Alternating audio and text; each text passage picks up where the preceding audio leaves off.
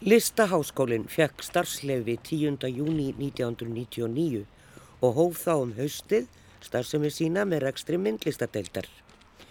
Skólinn hóf síðan rekstur sjálfstæðrar hönnunadeildar árið 2001 og árið síðar var tekið upp nám í arkitektúr, vöruhönnun og fatahönnun. Allar lífsgreinar eru kendar við listaháskólan, augmyndlistar, eru ímisfög innan leiklistar, ímisfög innan tónlistar, kennaranám til listkennslu, svo eitthvað sé talið upp.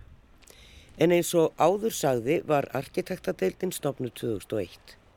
Loks eftir mikið samtal ímissa aðila sem málið varðar er hafinn mastersteild í arkitektúr og tilvalið að líta í heimsókn í þverholdið.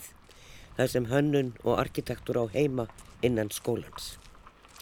Við ætlum að heilsa upp á hildikunni Sverrisdóttur deildafosseta Önnu Maríu Bóadóttir lektor og svo auðvitað nefnendur og við ræðum við Rakel Kristjánu Arnardóttur, Ott Gunnarsson Báer og Katrínu Heiðar. En við skulum byrja í heimsókn á Hildigunni Sverrisdóttur, deildaforsetta.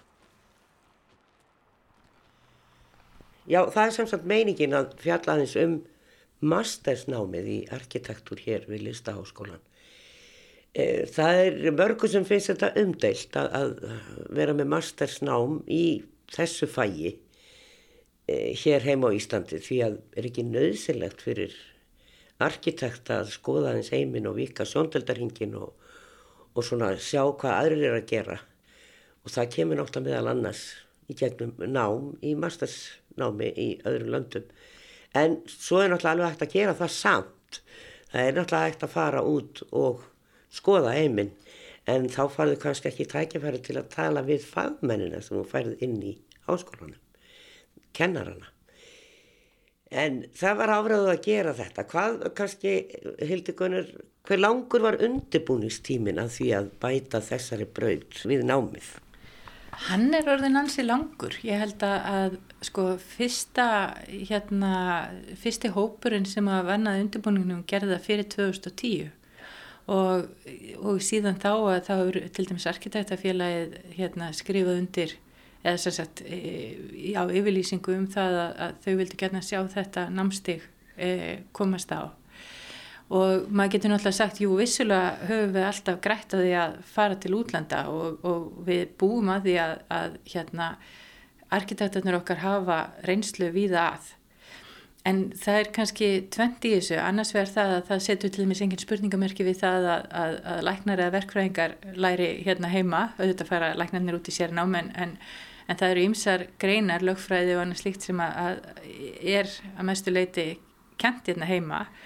Og náttúrulega styrkurinn við það er að þau nefnendur takast á við staðbundnar aðstæður í náminu sinu og það sem að skipti kannski líka svolítið miklu máli er að all umræða e, um e, arkitektur í íslensku samingi við komum honum upp kannski á e, hæra plan, heldur við náum í, í björnáman eru við kannski meira að kynna grunninn, leggja inn ákveðna svona grunnþekkingu en í meistaranámi getum við farið kannski að spyrjast þeirri spurninga sem vonandi hafa líka þá áhrif út í samfélagið. Já. Svo er hitt að við sjáum til dæmis eh, bara eins og í meistaranáminu okkar núna sem er byrjað að e, það er þá nokkur eh, fjöldi af þeim sem að er í rauninni búin að taka sitt bíanám annar staðar og það er ekkert lóku fyrir það skotið að fólk takja kannski bíanámið annar staðar og koma og takja meistaranámið hérna heima Já. en það finnum að og ég held að flest okkar hafi fundið þegar við erum að læra úti og þegar það fer svona nálgast að við komum heim að þá er bara sjaldan sem að aðstæður í löndunum sem að við erum að læra í eru jægt krefjandi og þær aðstæður sem við höfum hér. Þannig að flest okkar enda með að gera lokaverkefni á Íslandi en kannski ekki í samtali við fólk sem hefur sérfræðið þekkingu eða sagt, hefur þekkinguna á staðböndum aðstæðan sem eru ansi yktar. Það eru líka margir sem hafa sagt að ókosturinn við það að fara út til dæmis af því að það eru bæði kostur og gallar og öllu að, að það er að verða svo mikið, mikið kakafóni að það, er, það er, er ekki til neitt svona hreitn og klár íslenskur byggingastíl við þekkjum uh, sko músteinshúsin og, og svona ákveðna klassík og annað sem er mörgundru ára gamalt í þeim löndu sem margir eru að læra. Og, en hérna erum við að fá arkitekta frá Þýskalandi, frá Bandaríkjónu, frá Oslo, Norri, Svíþjóð og Kaupanahöfn og, og hérna frá mjög mörgum löndum. Og þetta er afskaplega greinilega var allavega.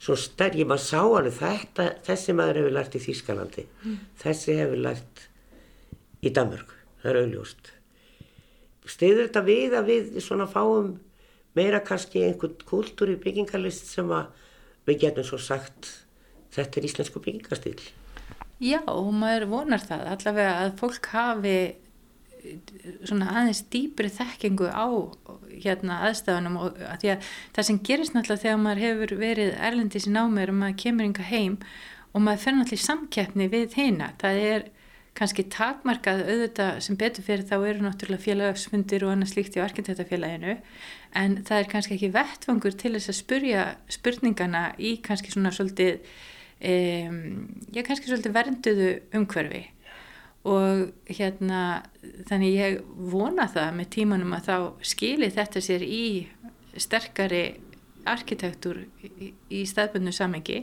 mm.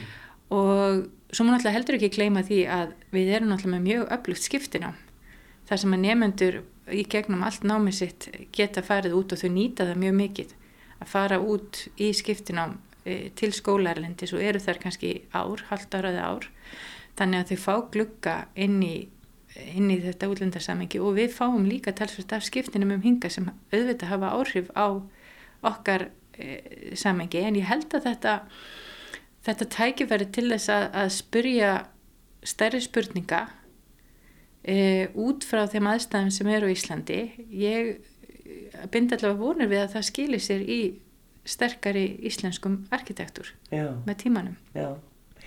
E, það eru nýju nefnendur í mastersnámi núna en hvað eru margir nefnendur í arkitektur í skólanum?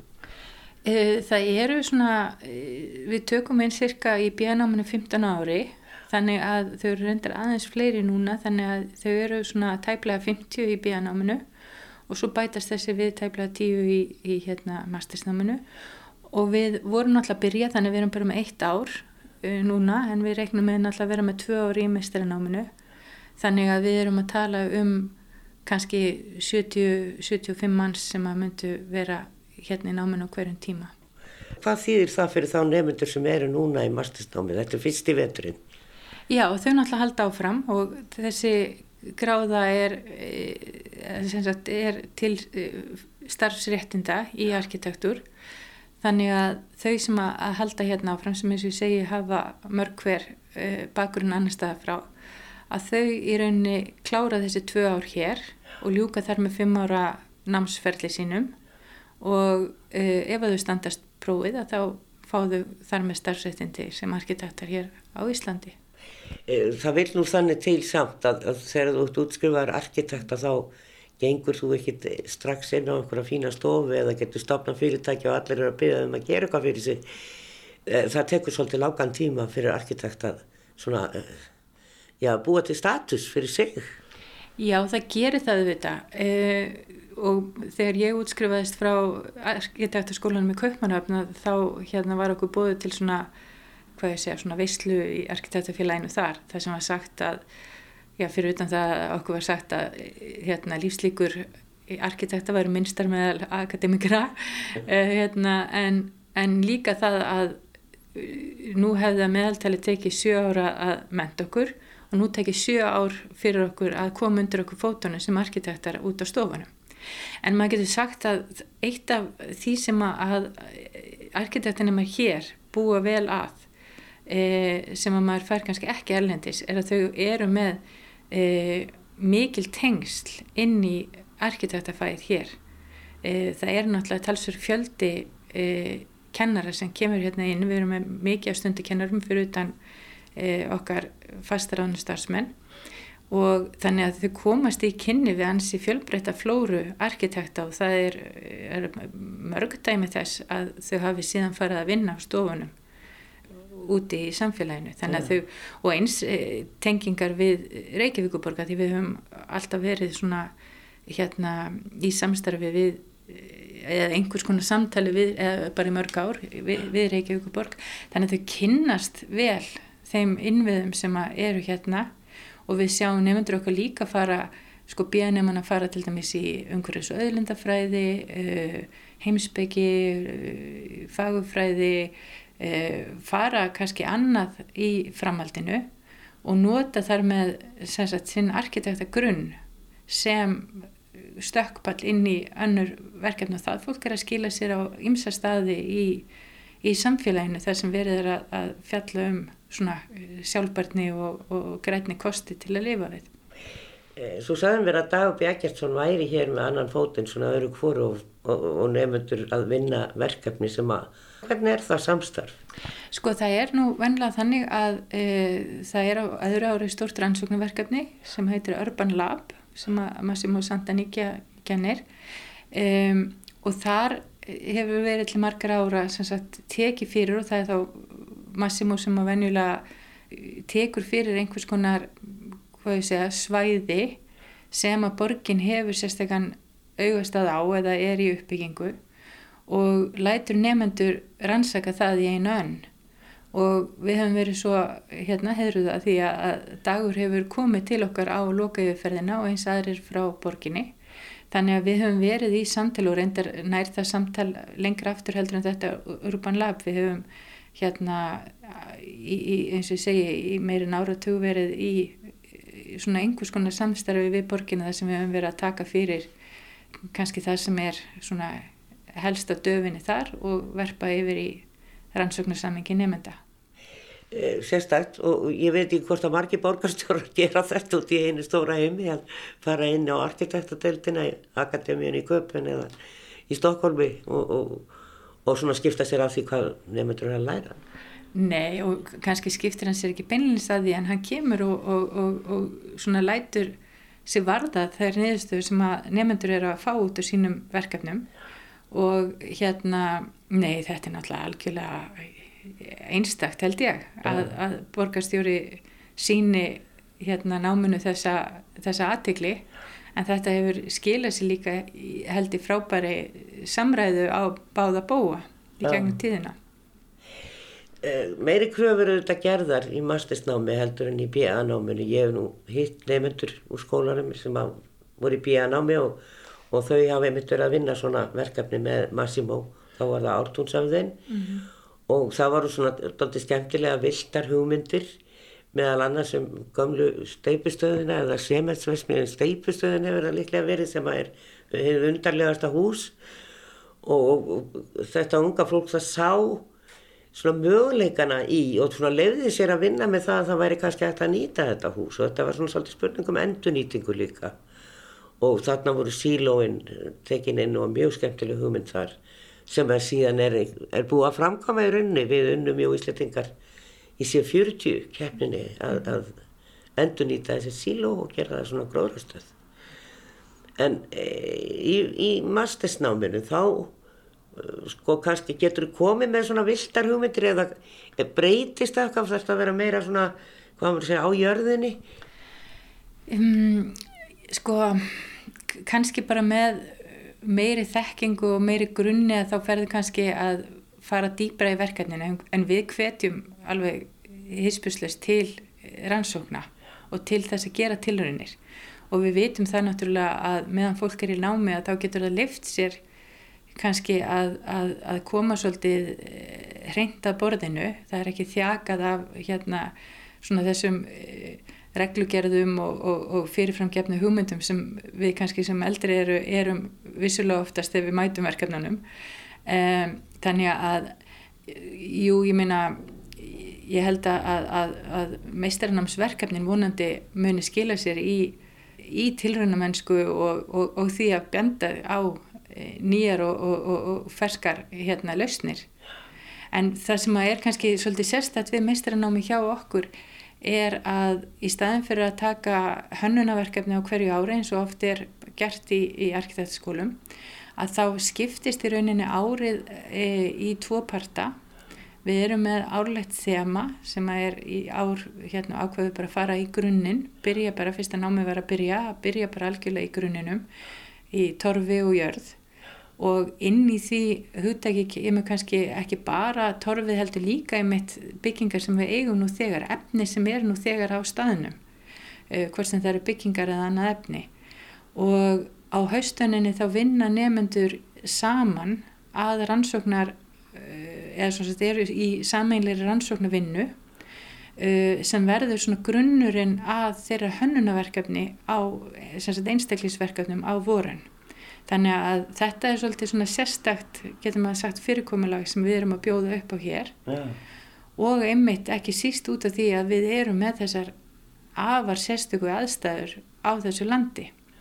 Þannig að, að nefndum að gefa einn kostur á að, að, að kafa ofan í kannski þá hluti sem að ekki gefst tími til að gera annars. Og við fáum mikið af, af e, fólki úr ímsum greinum við hefum verið með mannfræðinga, við hefum verið með listafólk, við verið með, við með hagfræðinga, rítuvunda, bókmyndafræðinga sem koma inn og verpa kannski svolítið nýri hérna sín á.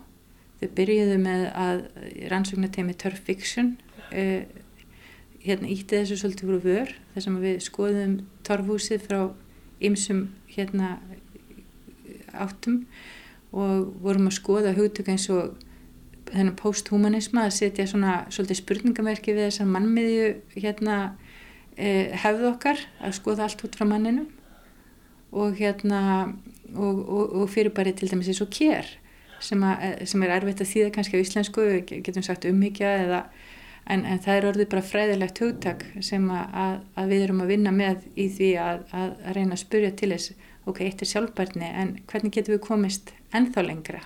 Já það er náttúrulega, við erum náttúrulega búin að rýfa meira og minna alltaf þessa torrbægi og við vorum langt komið með það að fara að rýfa bári á súsin en, en sem betur fer þá snýrust okkur hugur mestuleiti e, en e, þannig að log, verkefnin þessara ungu nema, getur alltaf vel verið komið með aldur en þess að nema er þá að, að, að, að hanna torrbægi Já, það er náttúrulega ekkert lóku fyrir það skotið að eitthvað er að spurja til torfsins og, og hvers það er megnugt.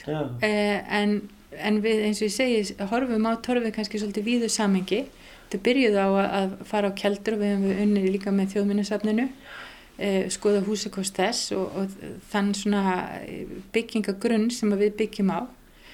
Þannig að, að hérna, þau fóru líka í Íslenska bæin e, fengum mér sér gista í, í hérna, torfbæ til þess að upplifa það og fengum að læra að tyrfa og annað slíkt. Hvort að það skilir sér endilega í því að þau fara að, að byggja torfhúsin slík veit ég náttúrulega ekki, þau náttúrulega ráða því hvað þau gera í einstaklisverkefnunum yeah. en eins og segi, það er, það er alls ekki útilokað að eitthvað er að fara að skoða allavega sko, hvaða staðbunnu efni höfu við til þess að vinna með eins og við þurftum að gera bara áður þegar skipriki eða, eða rekaviður og, og, og torfið var það eina sem við höfðum í rauninni til að byggjur og stein. Já, okkur átt. það er ekki mikið byggjarefni hér og svo þannig er það en það er verið að rækta skóa en það er langt í kunum fara að nýta þá til bygginga, allavega til stóra húsa. Já, já. Það, er, það, já það er allavega, nýtjaskóar eru náttúrulega eitthvað sem við, já, erum að gera tilröðinu með en við kannski förum ekki að gera neinn stórvirki úr því strax sko. Saði Hildegunni Sværistóttir deildastjóri arkitekta deildar Lístaháskóla Íslands. Anna-Maria Bóadóttir, arkitekt og menningafræðingur sem er ekkur fyrirtækið Urbanistan, hefur svo sem oft verið gestur hjá okkur áður. Er eina af kennurónum eða ertu prófessor, hvernig er það? Nei, ég er hérna með stöðu sem lektor, er hérna í hlutastarfi búin að vera í nokkur ár komið mitt fyrst inn svona í aðdraanda undirbúinins að þessu meistranámi Já. að taka við vinnu sem var náttúrulega búin að vera hér í gangi ár, ára tugi segja sömur Já. þannig að það var svona mitt skref inn í skólan þannig að ég er mjög spennt fyrir því að nú sé þessum áfanga náð að við séum að byrjuð Já. með meistranámi að kenna það Hver er þín skoðun á því að, að þetta er komið hér inn í skólan því að eins og ég segi þetta er svolítið umdeilt margir sem segja nefndur þurfa að fara út reynilega Já, mín skoðun er svo að það er ekkert fyrir fyrirstöðu að nefndur fara áfram út til náms. Allur heimurinn er opinn og um allan heim eru mjög spennandi skólar og það sem maður getur sókt erlendis eru mjög stórir tekniháskólar eins og listrannir arkitektaskólar þannig að þú ert með mjög mikið róf á ólíkum skólum erlendis sem standa ennþá til bóða. En það er svo mikilvægt að við séum samt sem áður með þennan sérstakka skóla hér á Íslandi, arkitektaskóla og vinna rannsóknir á kennslu á þessu stíi því það er engin skóla erlendis að fara að vinna þá vinnu sem við erum að gera sem þjónar ekki, þjónar ekki aðeins nemyndunum sem er að læra hjá okkur, hún þjónar samfélaginu öllu og líka fagstjættinni. Yeah. Þannig að það er svona mitt viðhorf og ég bendi sundum á það þegar átt að fara að stopna Háskóla Íslands.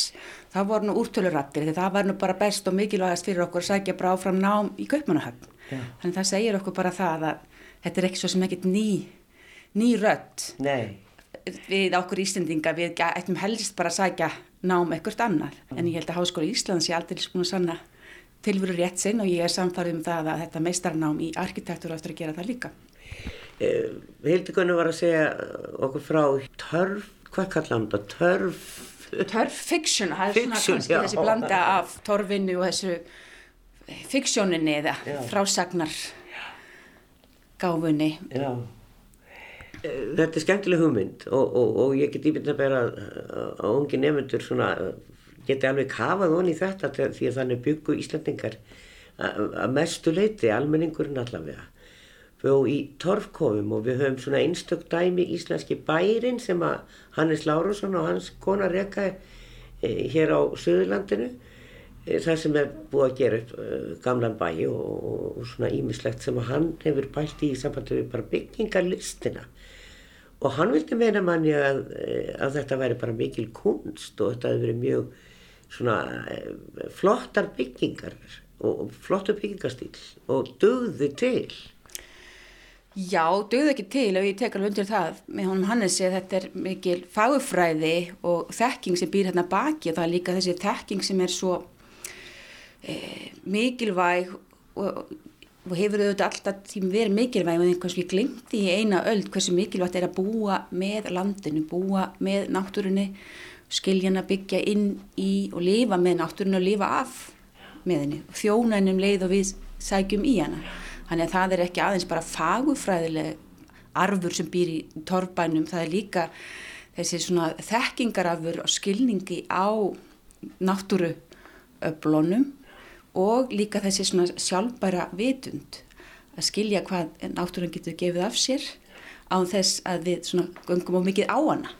Þannig að hérna það er líka, þess að ég bendir stundum á og það er svo stutt síðan á Íslandi að þá var sjálfbarnin bara spurningu líf eða dauða og í okkar byggingararfi býr svo mikið af þekkingu og skilningi á því hvernig við getum lifað sjálfbart í þessu landi sem er fátagt af byggingarefnum. Þannig að ég sé ekkit endilega fyrir mér að við förum að endurgera torfbæina eins og þeir voru í, í nútíma samhengja þegar þetta var náttúrulega mikið stökkinn í framtíðin að fá ramagnið leittin í inn í, inn í húsakostun okkur svo framvegis. Þannig að það ímislegt þjónaði ekki lengur þessum, þessum arfi.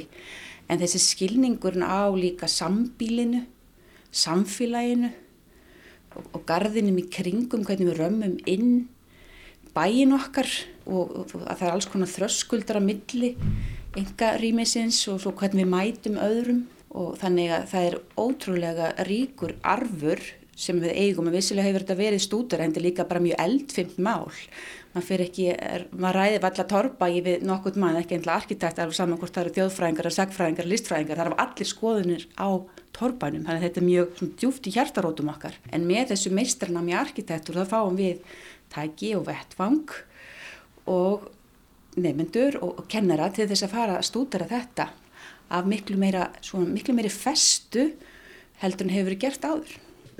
Eh, sko arkitektur er svo mikið samfélagsmál og það er svo mikið pólitík í arkitektur. Er það eitthvað sem þið leggir áherslu á í, í meistranáminu? Já, arkitektur er náttúrulega hápólitískur og við leggjum áherslu á að við erum hér horfa út frá staðbundum aðstæðum Íslandi en í alþjóðlegu samhengi.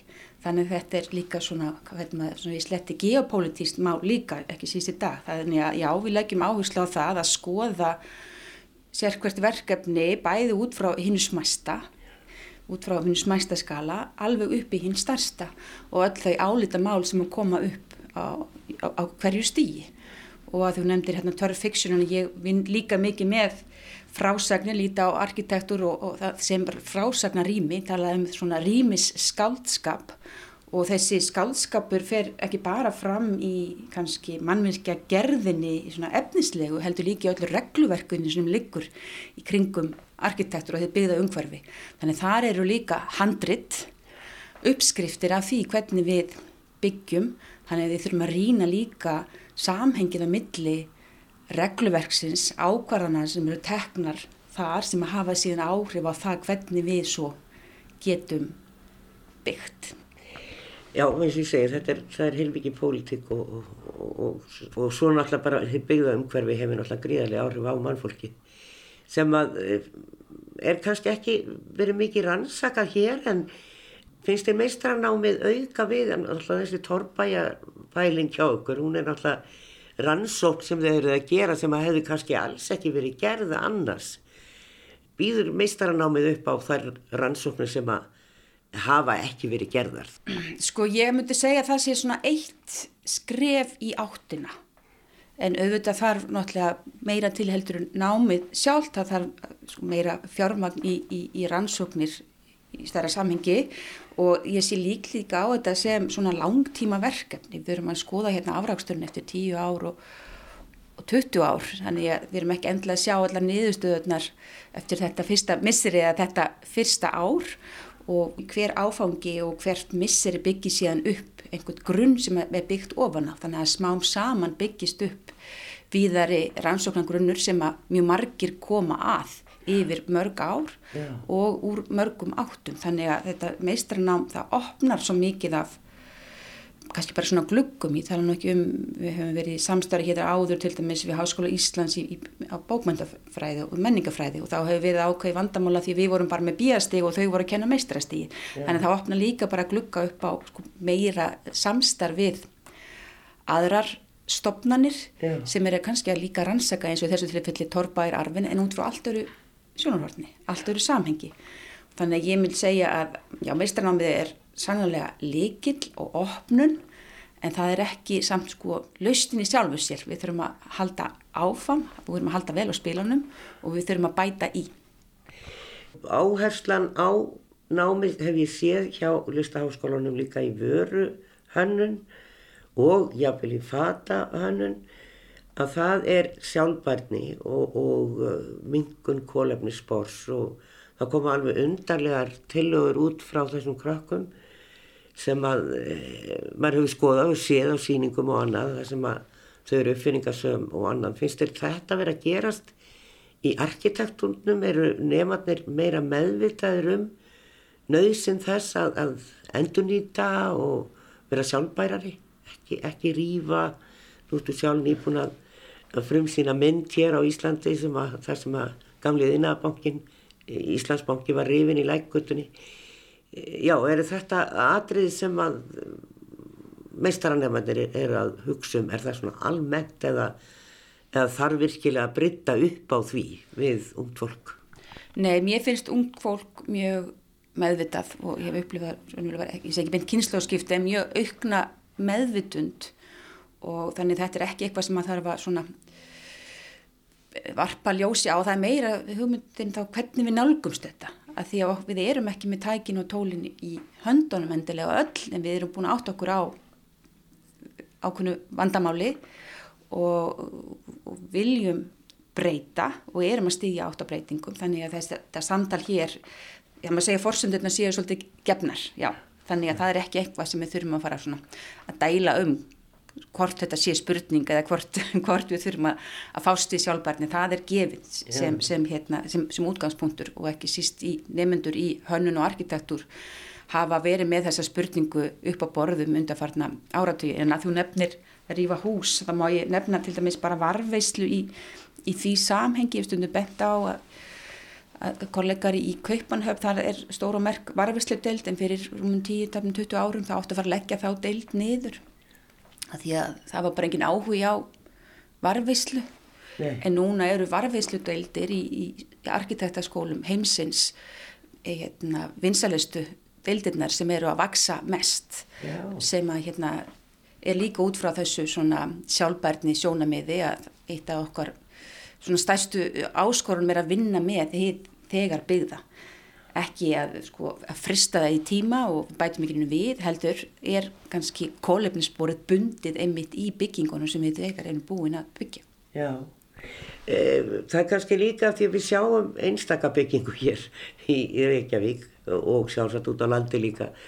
Það sem er verið að endur nýta bygginguna og hérna og við getum til dæmis talað um keksið þar sem að, að það kemur einn skemmtileg starfsemi og húsi fær að standa þú sér til dæmis í Kaupanan, Kaupíun og, og, og fleiri staði Kristjáns Hán, það sem er búið að endur gera hús að þá er sannfæringin er bara þar. Þegar þú hefur það fyrir augunum að þá þarf kannski ekki að sannfæra fólk um það að þetta er hægt. Nei, nei, nei, það þarf ekki að, það eru ótal dæmi sem að hérna, já, sanna. Þetta, þetta viðhorf og sína hvað er hægt en, og, og þetta stoppar heldur ekki það þetta er ekki annarkvort eða þetta er ekki annarkvort að, að hérna, horfa á það sem er og, og það sem er að koma. Þetta er hvernig við hérna, nýtum okkur nýjistu tækni, nýjistu hugmyndir í því að hérna, fleita því sem er áfram og bæta við. Þannig að það hefur kannski verið oft einhver e, já, einhver tappi og þá er bara loka að það sem hefur verið komið og horta á þessum fristingu en við erum að horfa einmitt á að nýta okkur nýjar hugmyndir og þess vegna erum við hér líka í samtali um nýjar hugmyndir og hvernig við getum byrt þær og fljata þær inn í ekki bara byggingarnar sem við komum úr heldur líka umhverfi sem við komum úr, visskerfi sem við erum að vinna alltaf inn í. Og í samhengi þú nefnir samfélagið og manneskjurnar með rannsóknir á, á velíðan og annað sem er ótrúlega brínt og stundu líka að talað um svona áskoranir samtímas og framtíðanar eru þess að þessi andlega heilbreyði og við komum kannski úr ákveðnum svona e, ákveðni arfleif og ákveðnu þessi modernisman þar sem áherslan er á heilsuna og heilsu samlegt húsnæði. Við áttum að komast út úr náttúrulega torfkófanum til þess að fara í heilsu samlegt húsnæði. En þá var fyrst og fremst verið að huga okkar svona líkamlegu heilsu. En í dag bendir allt til þess við þurfum að huga meira að andlegu heilsin okkar. Og arkitekturinn gerir náttúrulega hvort tveggja, við þurfum að byggja hús sem að, hérna, sem að leka ekki og er ekki mikluð en við þurfum líka að byggja umhverfi sem að okkur líður vel í. Og þá erum við að horfa í hluti eins og dagspyrtu og fagfræði, efni og þessar hluti sem eru kannski ómælanlegir en hérna hafa ótrúlega mikil áhrif á upplifun okkar á rými. Svo í lokin, eh, ég veit ekki hvort þú, þetta er fyrsti veturinn og, og, og það er kannski svolítið verið að þreyfa sér áfram eða hvað, eh, hvað myndur þú vilja sjá að gerðist í þessu mastersnámi? Ég myndi vilja sjá hérna nefnundur sem að blómstra í, í þessu námi og eru tilbúin til að fara út frá okkur og inn í, í praxis virkir þáttakandur í mótur umhverfisins. Ég myndi vilja sjá sko, fagvettvangin líka hérna, blómstra í samtali við þetta. Það er svona áfangi líka og arkitekta fagstjettin hefur sóta fast lengi. Þannig að þetta er líka árangur fyrir fagstjettina sem slíka að það sé komið meistarnám á Íslandi. Þannig að ég myndi gætna vilja sjá hana eblast líka íslenska fagstjætt og svo myndi ég vilja sjá verkefnin hérðan e, úr meistarnáminu vera að þeim gæðum og ná raunverulega inn í samfélagi þannig að þau hafi áhrif á umræðuna og ákvarnir sem að vera að taka umhypiða um hverfi annar staðar hendur en einmitt hér í skólanum sagði Anna-Maria Bóadóttir lektor við arkitektadeildina og komin tími til að hitta nefnendur. Segja má að aðstafa sé rúmgóð og vonandi dugar hún til þegar nýr árgangur kemur inn á næsta ári. Við ræðum við Rakel Kristjánu Arnardóttur, Ott Gunnarsson Báer og Katrínu Heiðar. Já, svo er náttúrulega að heyra í þeim sem eru nú að læra hér og eru að klára sitt arkitektanám á Íslandi og taka master í listaháskóra Íslands. Og þetta er fyrsti veturinn eins og komið hefur fram. Og ég sitt hér með þremur nefndum, Rakel, Katrínu og Otti og þau koma svona alveg úr sikkur áttunni. sem er, er að koma heim úr bachelornáminu og voru úti. Sent á æfinni, Katrín búin að vera í öðru námi og Rakel er hér sem að farið gegnum skólan og eftir hér í mastersnámi. Af hverju? Ég bara, það er eiginlega bara það. Hugsaður eitthvað um að fara út eða langaði þið bara að klára það hérna heima? Landslægi hérna heima á Íslandi hefur alltaf verið óbúslega kærkomið og, og það er svo óbúslega sérstakt með að við annar staðar hér regnir upp á móti, hér er, þú veist, þar maður auðgan á milli í veðfæri og, og í landslægi og mér fannst mikilvægt að, að læra í því umhverju sem ég vildi hanna í. En hvað segir þú, Otur? Þú ert að koma utan, fóstu Barnmoth, sagður það ekki á Englandi og, og kemur svo heim til að taka masterinn.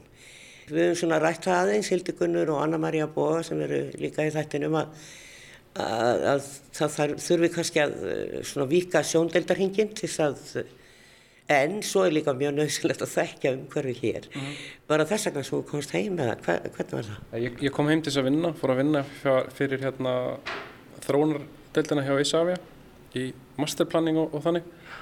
En ég var alltaf að sækja rosa mikið til Íslands í því sem ég var að gera í náminu í Englandi, þú veist, ég var ekki að nota múrsteina og eitthvað svolítið ég var, ég var svolítið mikið að sækja einhverja svona einhverja íslenskar hefðir og svo kemur þetta tækifæri að actually læra í þessu í umhverjunu sjálfu. Ég bara gæti ekki slefti Og Katrín, þú ert svona, þú ert elst og þú ert svona uh, já, ég ætla ekki að fara að tala um hvað þú ert gömul en þú ert allavega ekki eins ung og, og krakkarnir hérna og varst búin að læra annað og, og ákveði svo að fara í, í mastersnám hér í arkitektur Konstu beintin á masterinn eða þurftur að taka skólan fyrst? Ég laug e, BA-náminu hérna síðastliði vor í Listaháskólanum. Kom heim til Íslands 2017 um haustið og hófna á 2018. Mér fannst, e, tek svolítið undir mér aðkæla, mér fannst Ísland spennandi, Ísland sem rannsóknar vettfangur í þessu mistranámi það eru svona ákveðin skilir á Íslandi sem eru mjög sérstök og einstök og mér finnst mjög skemmtilegt að fá að hanna í þeim og, og hérna og svona þessar einstöku aðstæð sem eru ekki annar staðar.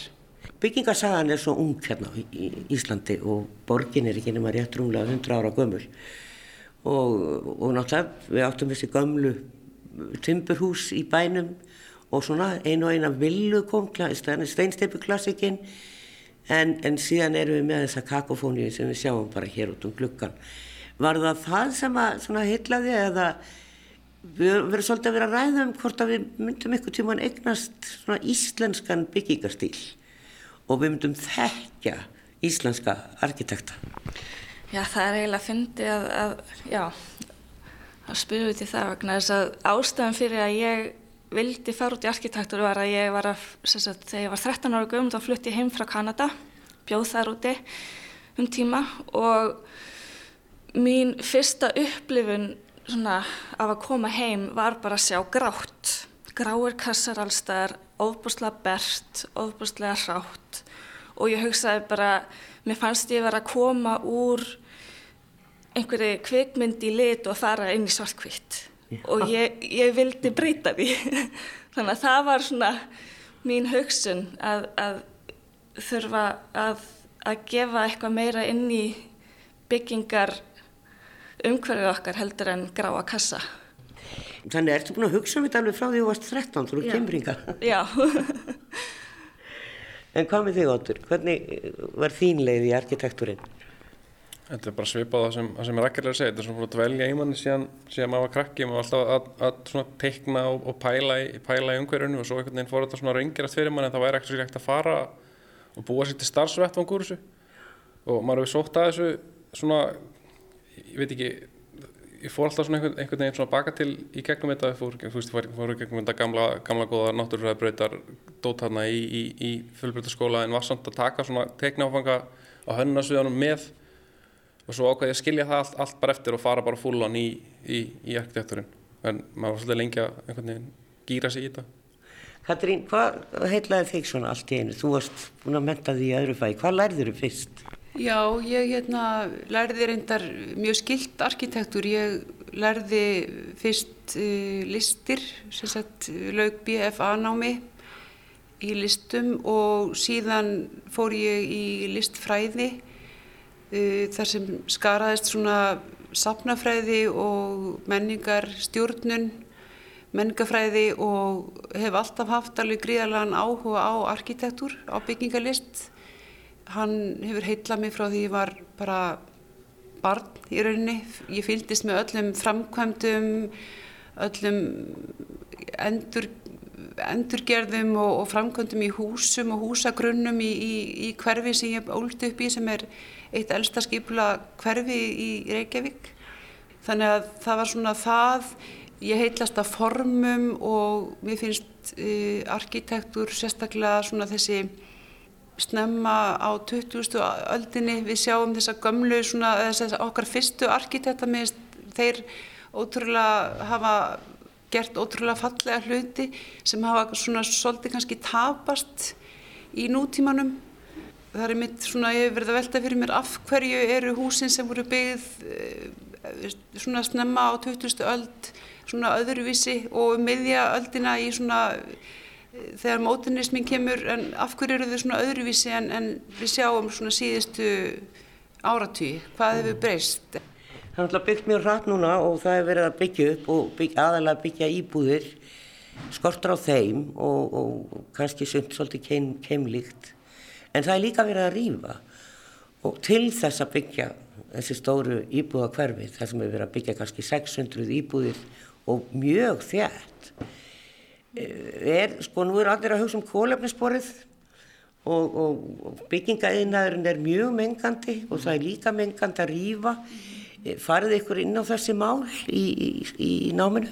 Já og við, við til dæmis byrjum núna bara okkar nám á að skoða torf bæinn og, og hvernig hann er tekinn af jörðu og verður aftur af jörðu og, og að skoða það svo í samengi við einmitt það hvernig nei, að byggja steift hús og rýfa niður aftur veist, hvað verður um þetta efni sem það er yfir veist, það er ekki hægt að, að í rauninni endur nýta það á þann hátt sem við höldum oft verður þetta bara að einhverju landfyllingu Þannig að það er einmitt spurningin hvort það sé ekki markvælt betra að, að endur nota þá bygg, byggð sem við höfum. Eh, spennandi þetta með torfbæin og, og pæli honum. Þetta er ekki þannig að meinta því mastersnámið að fara að teikna aftur torfbæin. Nei, þetta var raun og veru bara að fara að skoða hlutina raun og veru upp og nýtt. Það var alltaf verið að hugsa um og tala um torfbæin eins og eitthvað svona, eitthvað svona sem við ættum bara að afneita og skammast okkar fyrir. En í staðin hefur, hefur við verið að skoða þetta sem frekar eitthvað sem ætti að reyna að vera að eða ekki, ekki ásaka ennskuna hérna en að, að, að, Fagna, já, að vera, vera, vera stolt af þessu, þetta er byggingararverðin okkar þótt að það hefur verið þetta hefur verið maus að halda þessu við og, og, og svona það var, það var bara svona og það er ekki þetta afneita því og það eru gríðilega mikið að jákaðan hlutir sem er hægt að taka út úr þessu rétt eins og það voru neikvæði hlutir Katrin, þú varst í Chicago sem er svona einhvern veginn bara eh, háhísi og, og byggja allavega inn í miðbænum en eh, annars, er byggingarlistin eitthvað sem heitlaði þið þar? Já, arkitektur í Chicago er, er einna bara fallegast í heimi. Það vissulega hafði alveg áhrif þegar ég gekk daglega í, í skólan og, og bara um borgina. Ég bjó aðeins fyrir utan hana og en að, að að fá að sjá og, og einhvern veginn anda arkitektur eins og er þar að sér er, hefur alveg ótrúlega áhrif. Það skila sér og, og hefur, já, greiðarlega áhrif á mann.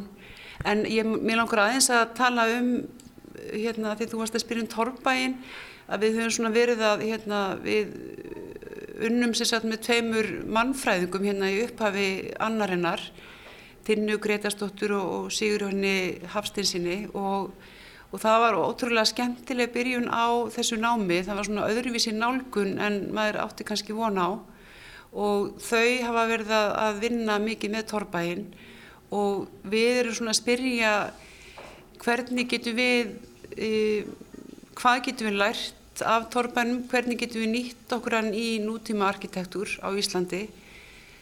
Og, og þá sérstaklega við tilliti til nær umhverfisins, hvaða efni getum við nýtt? Við eigum fullt af grjóti á Íslandi, e, getum við nýtt moldina, hvernig getum við reynda að, hérna, að horfa okkur nær og hætta að flytja inn allt þetta sem við erum að flytja inn. Því að það náttúrulega er ekkert, það verður ekki e, alltaf til staðar. Það er, hafa verið byggð nokkur timburhús og, og ég veit allavega að það, það er fullist af þeim sem byggðu húsin að, að það væri minna kólabrísbóra að flytja inn þetta timbur, svona krosslind timbur, hafráhúsið í í Hafnafjörði sem er fimm hæðir. Ótrúlega góð hljóðvist. Og svo er eitt íbúðarhús út á Seljavegi á mótu nýja hótelunum þar. Falleg sem eru sjö íbúðir og bara lítið hús í rauninni en, en þó sjö íbúðir þannig að það var alltaf koma því fyrir. Og það er allt úr timbri og það er því lík hljóðvist þetta er eins og verið í stúdjói mm. þannig að ég held að við ættum kannski að fara að byggja eitthvað meður út timbri því held ég frá mér hvað segir þau um það? Ég held að við séum öll sammála því Þetta er bara, sko, steipan nýttist okkur vel en það er komið tím til þess að skoða önnu byggingarefni. Ég held að, að hérna, timbri sé spennandi og, og finnst það en það má líka kannski aðeins velta fyrir sér og benda á að það eru náttúrulega rannsóknir á Íslandi um umhverfisvæðina steipu og ef okkur tekst að, að gera hana þannig að þá er náttúrulega steipan hefur verið nótuð í, í mjög langan tíma og er alveg, finnst mér, áfram spennandi efni ef að það er hægt að gera hana umhverfisvæðina. Hvað segir þú? Ég tek undir allt þetta sem þú segir með, með hljóðvistina. Ég hef greiðilega mikið áhuga á þessu, þessum, þessum málflokki og til að það væri hægt að gera tölvert mikið betur í þessum efnum. Já. Og ein leið að því er einmitt að nota meira timbur, sérstaklega á fleti og svona innanhús. Já, þú veist að tala um það áðan að þú hefur einmitt verið í hljóðtöku eða sem starfandi sem tæknumæður. Já, ég var bara tæknumæður fyrir, fyrir, fyrir, fyrir hlaðvarpin. Ég ég er tónlistamæður líka og hef verið í stúdíum og svona. Þetta, veist, þetta er notað þar, okkur ekki að taka þetta inn í, inn í húsin okkar, Já. húsin okkar líka og gera þau betri. Og nú hluti af, af hérna, einni rannsókninni hjá okkur í haust var e, oddurinn mitt að taka upp á keldum Já, í torbænum Já, það voru, fletirnir eru svo svakalega, þeir eru ekki flatir, þannig að það var, voru ekki, voru ekki endurköst. Þannig að það, það, það voru bara svona eins og svona akústikpanelar í raun og verið. Þú fórst að skoða þessu hlaðinu veggi og þetta svona, þetta reyka við, að er, það er svo mikið, svo mikið texturum í þessu að þetta var, hljóðaðninni var bara eins og í bara svona anekóisku herbergi. Það endurkastaðist ekki neitt, það var alveg magnað, það var alveg að fyndið sérstaklega í ljósið þess að þetta var ekki hann að þess að gera þetta. En þetta hagaði sér samt svona þrátt fyrir það. Það veri áhugavert að prófa að taka upp eitthvað enni einhvern tíma Já, kannski svona í lokin framvindan, nú eru þið sem sagt, þið eru svona brautriðandur sem nefendur á þessu stígi að fara í mastersnáma á Íslandi og eigið eftir að vera í eitt ári viðbútt klára þetta ár náttúrulega og svo aftur næsta vindur Hafið einhverja hugmynd um hvernig námið áttur að þróast? Fáið einhverja, er einhver sagt eitthvað um það? Farið tórbæina og svo fyrir við og, og, og, og þannig að lektorar og profesorar og aðri sem eru að kenna ykkur e, gefa þeir eitthvað upp eða kemur þetta óvart eins og tórbæinir?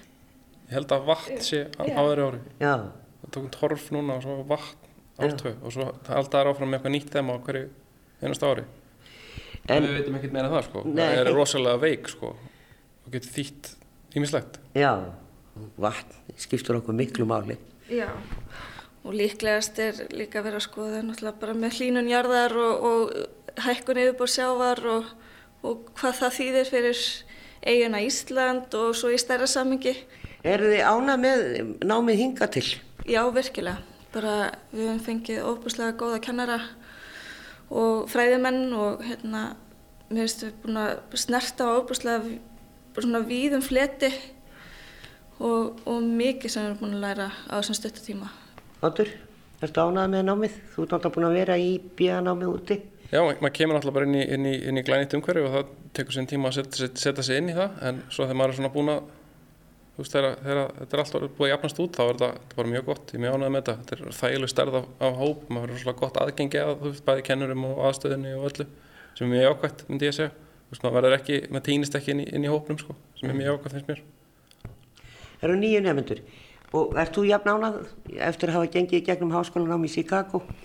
Já, ég er hérna mjög ánað, einmitt einn af kostum þess að vera hér í listháskólanum er þessi svona nálegð við frábæra kennara og fagfólk og það eru þessi samtöl, það er lögð áherslu á samtöl nokkur sem í viku við kennarana og, og hérna það er ótrúlega hérna dýrmætt að geta átt þessi samtöl og speikla það sem maður er að hugsa og, og vinna að og, og þetta er náttúrulega allt fagfólk, kennarar, arkitektar sem eru búin að læra erlendis líka þannig að þetta er svona mjög alþjóðlegt umhverfi að því leiti að, að við erum með kennara sem hafa verið í mörgum löndum og miðla þessari þekkingu sinni hér og starfandi líka sem arkitektar sem skiptir rosalega miklu máli e, margir hverjir. Þannig að hérna, við erum mjög lánsum myndi ég segja.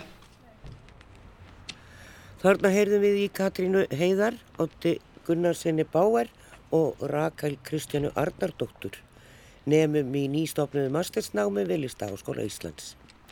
Og lengra komistu ekki í dag. Verðið sæl.